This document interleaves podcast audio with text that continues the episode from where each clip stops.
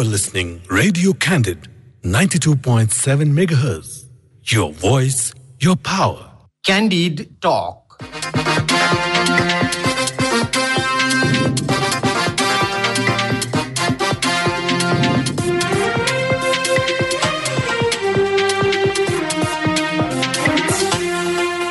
नमस्कार क्यान्डी टकमा तपाईँलाई स्वागत छ म धीरज बस्नेत। रेडियो क्यान्डिडको प्रस्तुति कार्यक्रम क्यान्डी टक तपाईँले शनिबार बाहेक हरेक दिन बिहान साढे छ बजेबाट सात बजेसम्म आधा घन्टा सुन्दै आइरहनु भएको छ।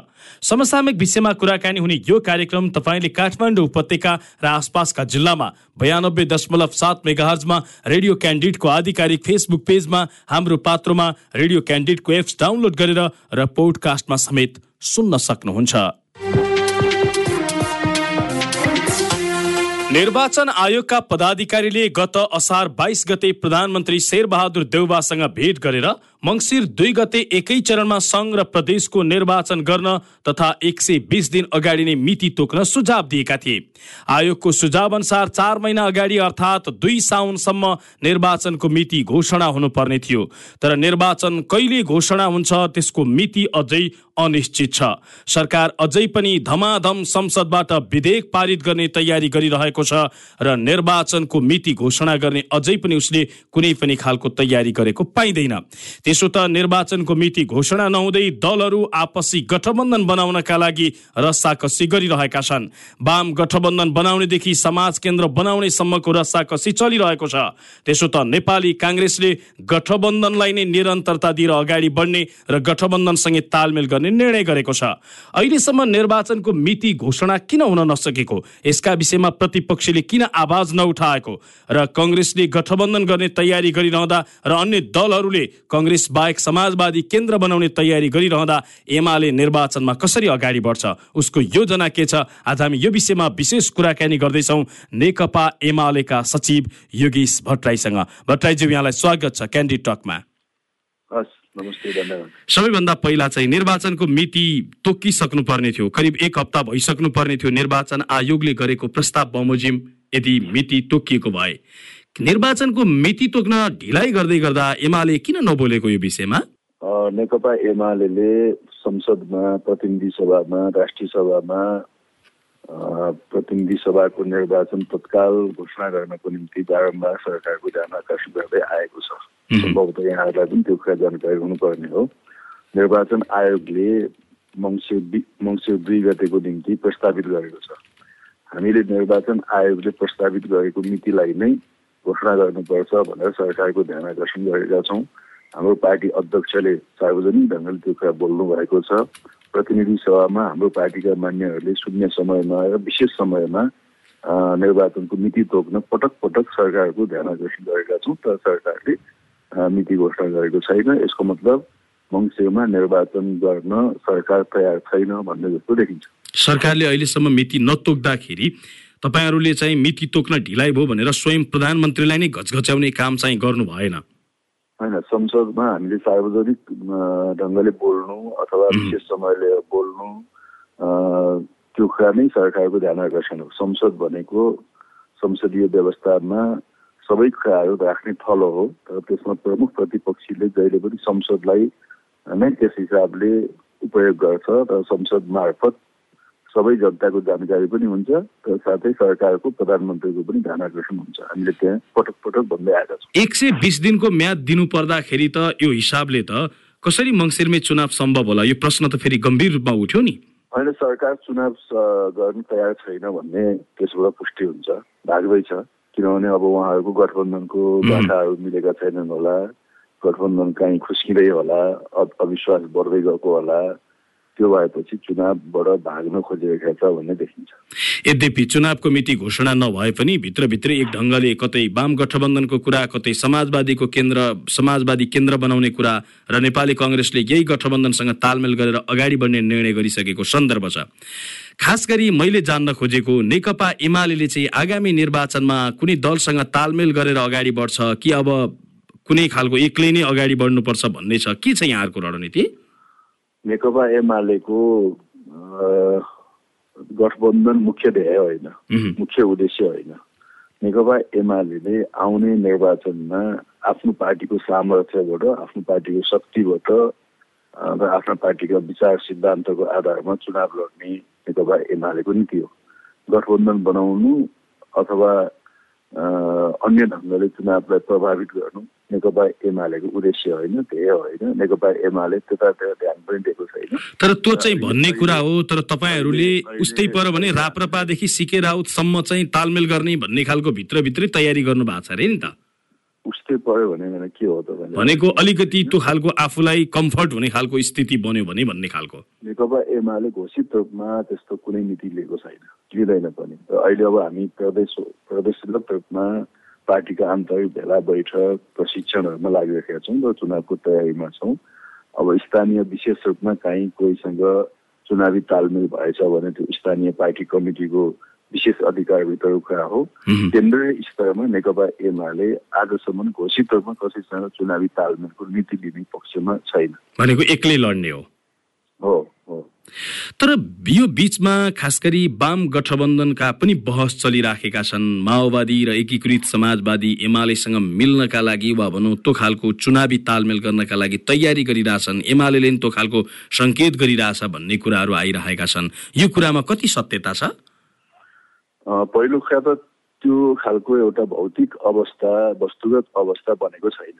किनभने सबभन्दा पहिले त माओवादी एकीकृत समाजवादी र अरू दलहरू जो नेपाली काङ्ग्रेससँगको गठबन्धनमा हुनुहुन्छ पहिलो कुरा त उहाँहरूले त्यो गठबन्धन छोड्नु पर्यो यदि अर्को गठबन्धन बनाउन उहाँहरू तयार हुनुहुन्छ भने अथवा अर्को गठबन्धनको निम्ति उहाँहरूलाई इच्छा हो भने पहिला चाहिँ काङ्ग्रेससँगको गठबन्धन तोड्नु पर्यो त्यसबाट निस्किनु पर्यो अनि बाहिर आइसकेपछि नेकपा एमाले उहाँहरूसँग गठबन्धन बनाउने कि नबनाउने भन्ने कुरा। त्यसपछि विचार गर्ने कुरा हो। अहिले उहाँहरू त कायम नै हुनुहुन्छ एउटा एउटा ठाउँको एलायन्समा त हुनुहुन्छ। भनेपछि अहिले तत्काल उहाँहरूसँग कसरी त्यो कुरा सम्भव छ? होइन त्यो संवाद त उहाँहरूले नै तपाईँहरूसँग अगाडि बढाइरहनु भएको छ अरे नि त। बुझेँ यदि अब कुनै औपचारिक ढङ्गले त्यस्तो संवाद भएको छ भने त्यसलाई मैले अन्यथा मान्दिनँ। तर आजको परिस्थिति त उहाँहरू नेकपा एमालेसँग त नजिक हुनुहुन्न। उहाँहरू त नेपाली काङ्ग्रेससँग नजिक हुनुहुन्छ। पक्कै पनि के हो भने नेकपा एमालेको पोलमा आउने कि नेपाली काङ्ग्रेसको पोलमा जाने अबको नेपालको राजनीति त यही दुईटा पार्टीको बिचमा हुन्छ। त्यसो हुँदा उहाँहरू अहिले त नेपाली काङ्ग्रेसको पोलमा हुनुहुन्छ। नेपाली काङ्ग्रेसको पोल छोडेर बाहिर निस्किनुहुन्छ भने नेकपा एमाले त्यस त्यस त्यस त्यसपछि चाहिँ नि विचार गर्छ।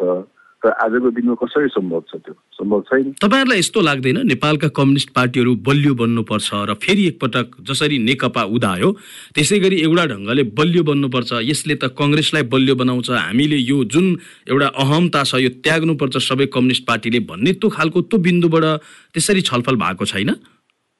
छलफल हुन्छ विभिन्न ठाउँमा छलफलहरू भइ नै रहेका छ। पहिलो कुरा त आजको दिनमा नेपालमा राजनीतिक ध्रुवीकरण भनेको कि त नेकपा एमालेको पक्षमा हुन्छ कि नेपाली काङ्ग्रेसको पक्षमा हुन्छ? किनभने नेकपा एमाले परिवर्तनको पक्षधर पार्टी हो मुलुकको आर्थिक समृद्धिको पक्षमा काम गर्ने पार्टी हो। नेकपा एमाले समाजवादी पार्टी हो नेकपा एमाले देशभक्तहरूको पार्टी हो प्रगतिशील पार्टी हो। एउटा पोल त्यहाँ खडा हुन्छ र नेकपा एमालेको अगाडि लोकतान्त्रिक समाजवादीहरूको एउटा पोल निर्माण हुन्छ। अर्कोतिर नेपाली काङ्ग्रेस भनेको आजको दिनमा पुँजीपति वर्गको पार्टी हो त्यो यथास्थितिवादी पार्टी हो। त्यसो भएको हुनाले नेपाली काङ्ग्रेसको अगाडि यथास्थितिवादी र पुँजीपति वर्गका प्रतिनिधिहरूको एउटा पोल त्यहाँ खडा हुन्छ। र मूलत नेपालको राजनीतिमा अब यिनै दुईटा ध्रुवहरू नै हुन् र अन्य दलहरू अलग अलग अस्तित्वमा रहने सम्भावना त्यति देखिँदैन।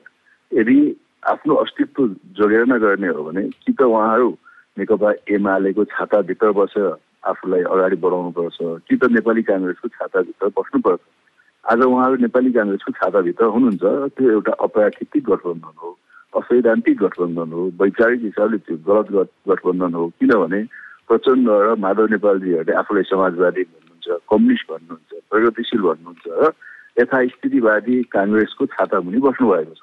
त्यस कारण त्यसलाई हामीले असैद्धान्तिक र अवैचारिक गठबन्धन भनेका हौँ। यदि उहाँहरू साँच्चै समाजवादी हो प्रगतिशील हो देशभक्त हो भने पहिलो कुरा त नेपाली काङ्ग्रेसको छाताबाट उहाँहरू निस्किनु पर्यो त्यो गठबन्धनबाट निस्किनु पर्यो अनि नेकपा एमाले जस्तो प्रगतिशील शक्तिसँग मिलेर जाने हो भने उहाँहरूले त्यस अनुसार आफ्ना विचारहरूलाई परिमार्जन गरेर अगाडि आउनु पर्यो। भनेको कङ्ग्रेससँगको यात्रा तोडेपछि तपाईँहरूलाई बार्गेनिङ गर्न वा भनौँ तपाईँहरूसँग सहकार्यका लागि तपाईँहरूको पावर माथि हुने भएर त्यस्तो प्रस्ताव गर्नु भएको होइन शेरबहाद देउबाले ड्राइभिङ गरेको गाडीमा उहाँहरू हुनुहुन्छ अहिले। त्यो सिटमा बसिरहनु भएको छ।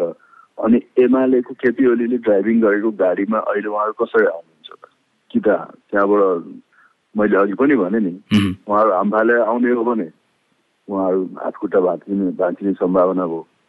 पहिलो कुरा त त्यो गाडीबाट उहाँहरू सकुशल निस्किनु पर्यो नि। ए भनेको पहिला गाडी चढ्न बस स्टेसनमा आउनुपर्छ भने जस्तो गाडीबाट अर्को गाडीबाट उत्रेर उहाँहरू बस स्टेसनमा आउनु पर्यो। अर्को गाडीमा हुनुहुन्छ गलत दिशामा जानुभएको छ। सही दिशामा जाने हो सही सही बाटोमा आउने हो भने त उहाँहरू त्यो गाडीबाट सकुशल निस्केर बाहिर बाटोमा त आउनु पर्यो। अनि त्यसपछि बल्ल अर्को गाडी चढ्ने हो। तर अर्को कुरा चाहिँ जस्तो अब यो खास गरी तपाईँहरूले तत्काल वाम गठबन्धनको कुरा नभए पनि अन्य दलहरूसँग मिलेर कुनै ढङ्गले अगाडि बढ्न सकिन्छ कि भन्ने खालको जुन एउटा वामदेव गौतमले एउटा अभियान नै पनि चलाउनु भएको थियो। वामदेव गौतमसँग तपाईँहरूको अध्यक्षको एक चरणको छलफल पनि भएको थियो। वामदेव गौतमको अभियानलाई चाहिँ यहाँहरूले कसरी लिनु भएको छ? होइन हामी छलफल सबैसँग गर्छौँ। एउटा राजनीतिक दल हुनुको नाताले मुलुकको सबैभन्दा ठु- ठुलो दल हुनुको नाताले र भोलि पनि यो मुलुकको नेतृत्व गर्नुपर्ने दलको हैसियत भएको पार्टीको नाताले हामीले सबैसँग एउटा राम्रो सम्बन्ध कायम गर्छौँ। इभन नेपाली काङ्ग्रेससँग पनि हामी छलफल गरिरहेका हुन्छौँ कतिपय इस्युजमा। तर चुनावमा विभिन्न दलहरूलाई जम्मा गरेर गठबन्धन बनाउने कुराको प्रमुख उद्देश्य राखेर हामीले कसैसँग पनि छलफल गरेका छैनौँ। म अर्को पाटोतिर प्रवेश गर्न चाहे खास गरी नागरिकता विधेयकसँग जोडेर। नागरिकता विधेयक पारित गर्दै गर्दा तपाईँहरू मौन बस्नुभयो तर बाहिर चाहिँ तपाईँहरूले नागरिकता विधेयकले देश बर्बाद बनाउँछ भनेर टिप्पणी गर्नुभयो भन्ने खबरहरू बाहिर आइरहे। किन यस्तो गर्नु भएको त्यो बिल्कुल होइन। हाम्रो एकतिसजना मान्य सदस्यहरूले विभिन्न विषयमा पैँतालिसवटा भन्दा बढी संशोधन प्रस्ताव प्रतिनिधि सभामा नागरिकता विधेयकको सन्दर्भमा राख्नुभएको थियो। र त्यसलाई सभामुखजीले निर्णयात्मक प्रस्तुत गर्दा हाम्रो संशोधनको पक्षमा हामीले मतदान गरेका थियौँ। त्यहाँ हुन्छ र हुन्न भन्ने कुरा हुन्छ। हामीले हाम्रो संशोधनको पक्षमा हुन्छ भनेका थियौँ। त्यो कुरा चाहिँ सार्वजनिक मिडियामा पनि आएकै छ। त्यसलाई कसरी मौन भनेको जस्तो त्यसलाई निर्णयार्थ प्रस्तुत गर्दा तपाईँहरूले हुन्छ पनि भन्नु भएन हुन्न पनि भन्नु भएन हाम्रो हाम्रो प्रस्तावमा हामीले हुन्छ भन्यौँ नि हामीले जुन संशोधन प्रस्तावहरू राखेका थियौँ त्यसको पक्षमा हामी उभियौँ। तर हिजोको दिनमा त जुन तपाईँहरूले ल्याउन खोजेको खास गरी एमालेकै नेतृत्वमा सरकार हुँदा अध्यादेशमा जे कुरा थिए त्यही नै अहिलेको विधेयकमा समेटियो भन्ने कुराहरू। त्यसको विरोध फेरि किन गर्नु पर्यो त? सबै कुराको विरोध हुँदैन। नागरिकता विधेयकमा भएको प्रस्तावनादेखि अन्तिमसम्मको विरोध हामीले गरेका पनि छैनौँ। के के कुरामा हो तपाईँहरूको असहमति मुख्य चाहिँ? कतिपय विषय कतिपय विषयवस्तुहरू पछि त्यहाँ गृहमन्त्रीजीले समावेश गर्छु भनेर प्रतिबद्धता पनि जनाउनु हो। लिखित रूपमा त्यो विधेयकको अङ्गको रूपमा आएको पनि छ कतिपय विषयहरू।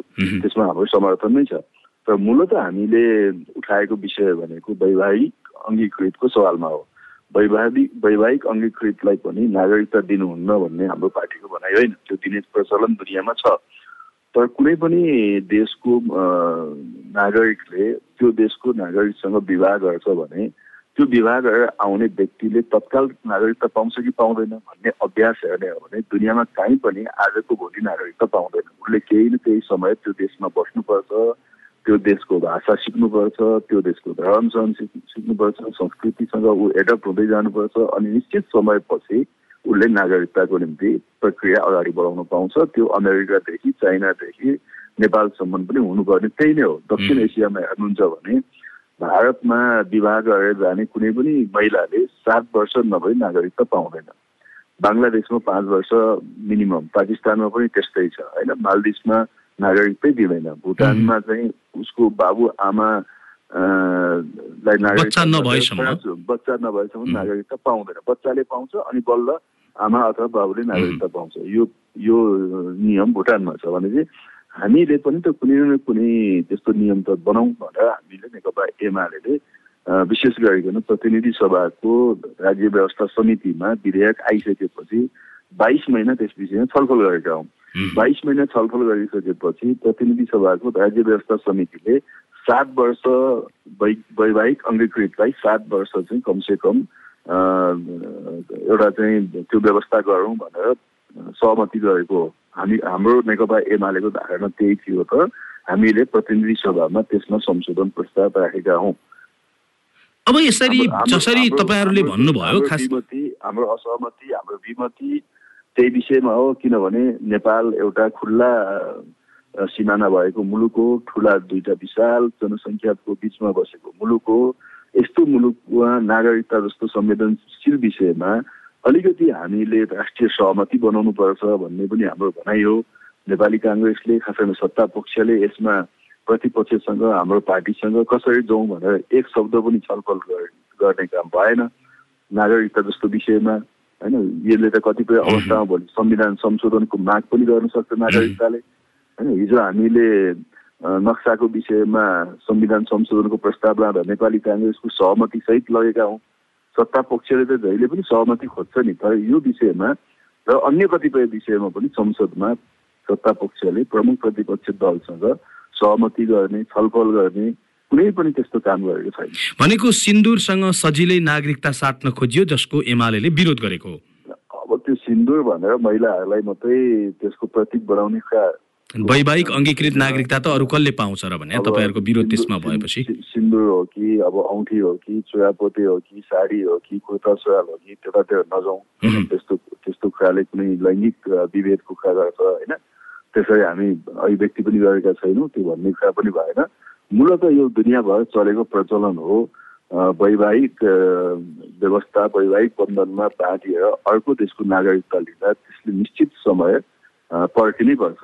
यो नेपालमा मात्रै होइन। धेरैले त चुनावको मुखमा केही न केही फन्डा गर्न खोजेको कि चुनावको मुखमा यो के गर्न खोजेको भन्ने खालका तर्क पनि गरिरहेका छन् यस्तो कुरालाई चुनावको मुद्दा बनाउने हो भने मुलुकको राष्ट्रियता कमजोर हुन्छ मुलुकको देशभक्तिपूर्ण भावना कमजोर हुन्छ। कसका निम्ति राजनीति गर्ने हो होइन। आफ्नै देशमा आफ्ना नागरिकहरू चाहिँ अल्पमतमा पर्दै गयो भने भोलि देश कहाँ पुग्छ? यस्तो कुरा पो हामीले उठाएका हुँदा यो चुनावमा त के हुन्छ? संसदीय व्यवस्थामा एउटा चुनावमा एउटा पार्टी आउला अर्को चुनावमा गएपछि अर्को पार्टी आउला यही विधेयकको कारणले गर्दा लाखौँ मतदाता थपिन सक्ने सम्भावना पनि त रह्यो नि। मतदाताहरूलाई त मतदान गर्ने मतदाता फेरि ती थपिन सक्छन् जो भर्खरै विवाह गरेर आएका छन्। त्यसका निम्ति अस्थायी प्रबन्धहरू गर्न सकिन्छ अन्य उपायहरू निकाल्न सकिन्छ होइन? जो विवाह गरेर आएका छन् विवाह गरेर आइसकेपछि उनीहरूलाई अस्थायी बसोबासको एउटा कार्ड दिनुपर्छ भनेर पनि त हामीले भनेका छौँ। सात वर्ष उनीहरूलाई केही पनि नदिने भने होइनौँ नि। सात वर्षभित्र अस्थायी बसोबास कार्ड जस्तो अमेरिकामा पनि त त्यस्ता व्यवस्था छन् होइन। त्यो व्यव- त्यो दियो भने त उसले चुनावमा चाहिँ मतदाता नावलीमा नाम राख्न पाउँछ तपाईँको जग्गा किनबेच गर्न पाउँछ आर्थिक कारोबार गर्न पाउँछ होइन। शिक्षा आर्जन गर्न पाउँछ व्यापार व्यवसाय गर्न पाउँछ। त्यो सबै पाउँछ नि अस्थायी कार्डवालाले पनि। नागरिकतै चाहिन्छ भन्ने छैन नि। म कुराकानीको अन्त्यमा छु। तपाईँसँग खास गरी तपाईँको प्रदेशको विषयमा मैले थोरै जोड्न खोजेको कुरा। तपाईँको प्रदेश नम्बर एकको अहिलेसम्म नाम टुङ्गिएको छैन। निकै पेचिलो बनिराखेको छ बहस। तपाईँहरूले त्यो विषयमा कतिको ध्यान दिनुभएको छ कतिको चासो लिइरहनु भएको छ? हामीले हामीले त्यसलाई नजिकबाट हेरिराखेका छौँ र हाम्रो पार्टीको प्रदेश कमिटी र विशेष गरी प्रदेश नम्बर एकका प्रदेश सभाका मान्य सदस्यहरूलाई त्यो जिम्मेवारी दिएका छौँ र संविधानक पनि संविधान त पनि उहाँहरूकै त्यो जिम्मेवारी हो प्रदेश सभाको जिम्मेवारी हो। त्यसो भएको हुनाले केन्द्रले खालि समन्वय गर्ने हो चासो राख्ने हो तर निर्णय गर्ने अधिकार प्रदेशमा छ। तपाईँको प्रदेश भएकोले मैले अलिक बढी चासो के छ प्रदेश प्रदेशले नै त्यो कुराको टुङ्गो गर्नुपर्छ र सबैलाई चित्त बुझ्दो अब त्यस्तो कुरामा सकेसम्म प्रदेशभित्रका प्रदेश सभाभित्रका सबै राजनीतिक दलहरू बिचमा सहमति निर्माण गरेर नै जानुपर्छ। त्यसले कुनै द्वन्द्व सिर्जना गर्नु हुँदैन भोलिका दिनमा। साझा सहमति निर्माण गर्न सकिने आधारहरू खोज्नुपर्छ। त्यो खोज्ने मुख्य दायित्व त त्यहाँको सत्ता पक्षको हुन्छ र हामी प्रतिपक्षीको हिसाबले सकारात्मक ढङ्गले त्यो बहस छलफलमा भाग लिइरहेका छौँ। हाम्रो मान्यजीहरूले त्यहाँ भाग लिएर मुख्यमन्त्रीले त चेतावनी दिन थाल्नु भएछ। पहिचान सहितको नामाकरण भएन भने म मुख्या बुख्याचा बनेर टुलु टुलु हेरेर बस्दिनँ भनेर। होइन उहाँसँग त्यो गर्न सक्ने आधार छ भने गरे भइहाल्यो नि। दुई तिहाई बहुमत चाहिन्छ होइन। दुई दुई तिहाई बहुमत उहाँले कमान्ड गर्नुभएको छ भने त उहाँलाई कसले पर्खेर बस्नु भनेको छ र? उहाँले गर्न सकिहाल्नुहुन्छ। यदि यदि सहमतिका साथ नजाने हो भने त उहाँले जे पनि गर्न सक्नुहुन्छ नि। अहिलेको अहिलेको गठबन्धनको कार्यशैली त त्यही नै हो। त्यसमा त अब के भन्ने हामी? हस् यहाँलाई महत्त्वपूर्ण समय र संवादका लागि धेरै धेरै धन्यवाद। हस् तपाईँलाई पनि धेरै धन्यवाद छ। आजको कार्यक्रममा नेकपा एमालेका सचिव योगेश भट्टराईसँग कुराकानी गर्यौं हौस् त क्यान्डिड टकको यो अङ्क आजलाई यति नै। प्रविधि संयोजनका लागि गणेश श्रेष्ठलाई धन्यवाद। कार्यक्रमबाट म धीरज बस्नेत बिदा माग्छु। रेडियो क्यान्डिड सुन्दै गर्नुहोला। नमस्कार।